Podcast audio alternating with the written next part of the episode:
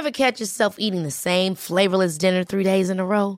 Dreaming of something better? Well, HelloFresh is your guilt-free dream come true, baby. It's me, Kiki Palmer. Let's wake up those taste buds with hot, juicy pecan-crusted chicken or garlic butter shrimp scampi. Mm. Hello Fresh. Stop dreaming of all the delicious possibilities and dig in at HelloFresh.com. Let's get this dinner party started.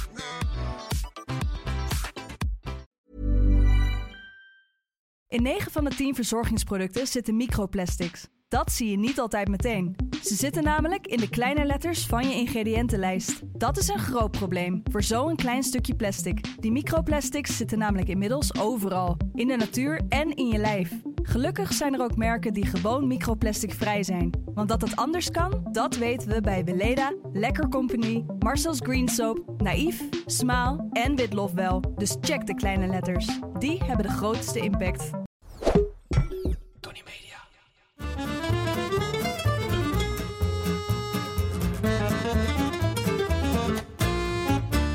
Ik ben Julius Jaspers en ik ben meer dan dol op eten. Iedere week pak ik één product uit mijn voorraadkast en zal jullie daar alles over vertellen. Vandaag is dat azijn. Dat ik dol ben op zuur mag duidelijk zijn, want anders was ik niet met Isabel getrouwd. Lieve schat, als je dit hoort, het was een grapje. Laat me niet weer op de bank slapen vannacht.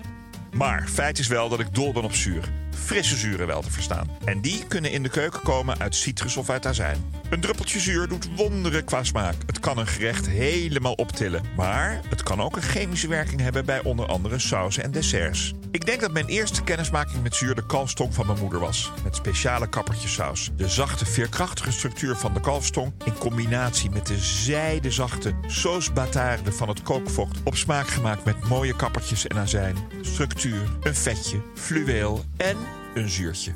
Verrukkelijk. Azijn ontstaat wanneer gistproducten verzuren door de juiste bacterie. Die bacterie bestaat al langer dan de mensheid. Azijn, zoals wij het kennen, werd al gebruikt rond 5000 voor Christus in Egypte en in Babylon. De eerste azijn werd gemaakt van bier of wijn, dadelpalmsap en dadelhoning. De eerste melding van azijn als smaakmaker komt zo'n 700 jaar voor Christus uit Palestina, waar ze het zo lekker vonden dat ze dronken, aangelengd met wijn. Lijkt mij niet lekker, maar ieder zijn eigen ding. In het Romeinse Rijk was azijn ook populair en werd het in grote kruiken gefermenteerd en verhandeld. Azijn werd hier vooral gebruikt ter conservering van producten. Want stop groente en fruit in een vloeistof die al gerot heeft en de groente en fruit rot zelf niet. In de middeleeuwen verloor azijn aan populariteit. Rond 1300 werd het herontdekt als smaakmaker. Orléans in Frankrijk zag een verdienmodel in azijn en startte de Europese azijnindustrie. Wat Orléans steunde in hun marketingplan was het gerucht dat azijn hielp tegen de pest. Azijn ging dan ook als zure broodjes over de toonbank. Zoals iedere week is er weer een hamvraag die niet over ham gaat. De vraag komt van Eves Life 84. Beste Julius, is het de moeite waard om meerdere soorten azijn te kopen? Ja, Eves het is zeker de moeite waard om verschillende soorten azijn te kopen. Ik zou gewoon een natuurazijn vooral gebruiken om bijvoorbeeld een zoetzuur te maken waar je allerlei smaakjes aan toevoegt. Citroenblad, citroengras, koriander, kaneel, suiker natuurlijk, knoflook, ui, noem maar op. En ik zou een wat eh, lekkerder, meer smakelijke azijn gebruiken. Zoals bijvoorbeeld balsamico, sherryazijn, wijnazijn als je er echt mee gaat koken. Of een vinaigrette gaat maken of een saus mee gaat, uh, op, op smaak mee gaat brengen. Azijn is pas azijn bij een bepaalde zuurgraad, namelijk 4%. Is de zuurgraad lager en wordt azijnzuur aangedikt met het zuur uit wijn, dan spreken we van edik. Vaak op smaak gebracht met kruiden of specerijen. Wanneer de zuurgraad hoger is, namelijk rond 7%, wordt het schoonmaakazijn. Zoals je met alcohol op de vrijniveau kunt denken een hoger percentage is beter, is dat bij azijn absoluut niet het geval. Je slokdarm zal namelijk langzaam wegbranden en dat is geen prettige kater.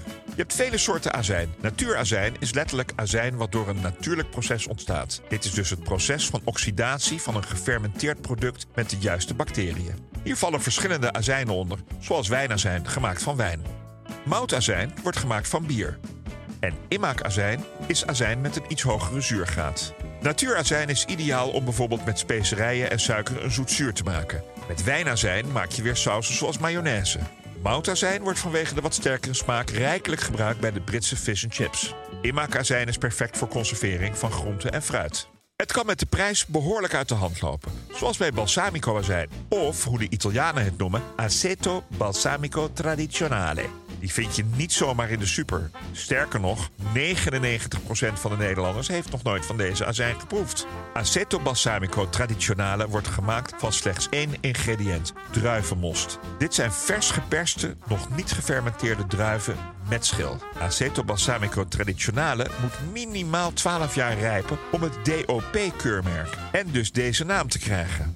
Een klein flesje haal je in huis voor een schamele 100 euro. Nou ja, haal je in huis. Je moet een goed Italiaans netwerk hebben om überhaupt een flesje te kunnen bemachtigen. Wat je wel vindt in Nederland is balsamico azijn met het misleidende IGP-keurmerk. Dit heeft weinig weg van echte balsamico. Want met goedkope wijnazijn, suiker, verdikkingsmiddel en een verwaarloosbaar deel druivenmost als ingrediënten en een rijpingstijd van een kleine 60 dagen is deze IGP een Fiat Panda vermomd als een Ferrari. Bij balsamico azijn geldt dan ook hoe minder ingrediënten, hoe beter.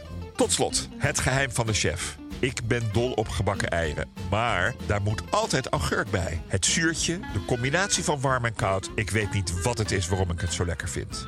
Klik op de link in de beschrijving van deze aflevering voor een recept om je eigen augurken van scratch te maken. Dat was hem over azijn.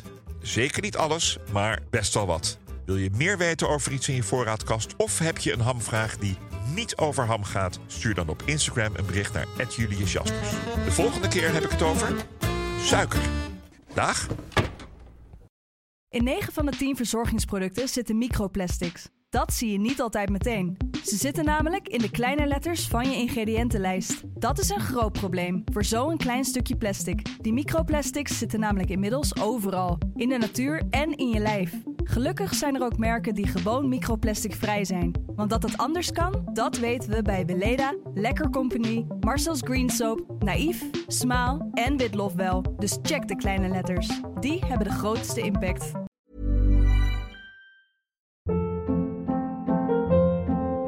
Hold up. What was that? Boring. No flavor. That was as bad as those leftovers you ate all week. Kiki Palmer here, and it's time to say hello to something fresh and guilt-free. Hello Fresh. Jazz up dinner with pecan-crusted chicken or garlic butter shrimp scampi. Now that's music to my mouth. Hello Fresh. Let's get this dinner party started. Discover all the delicious possibilities at hellofresh.com.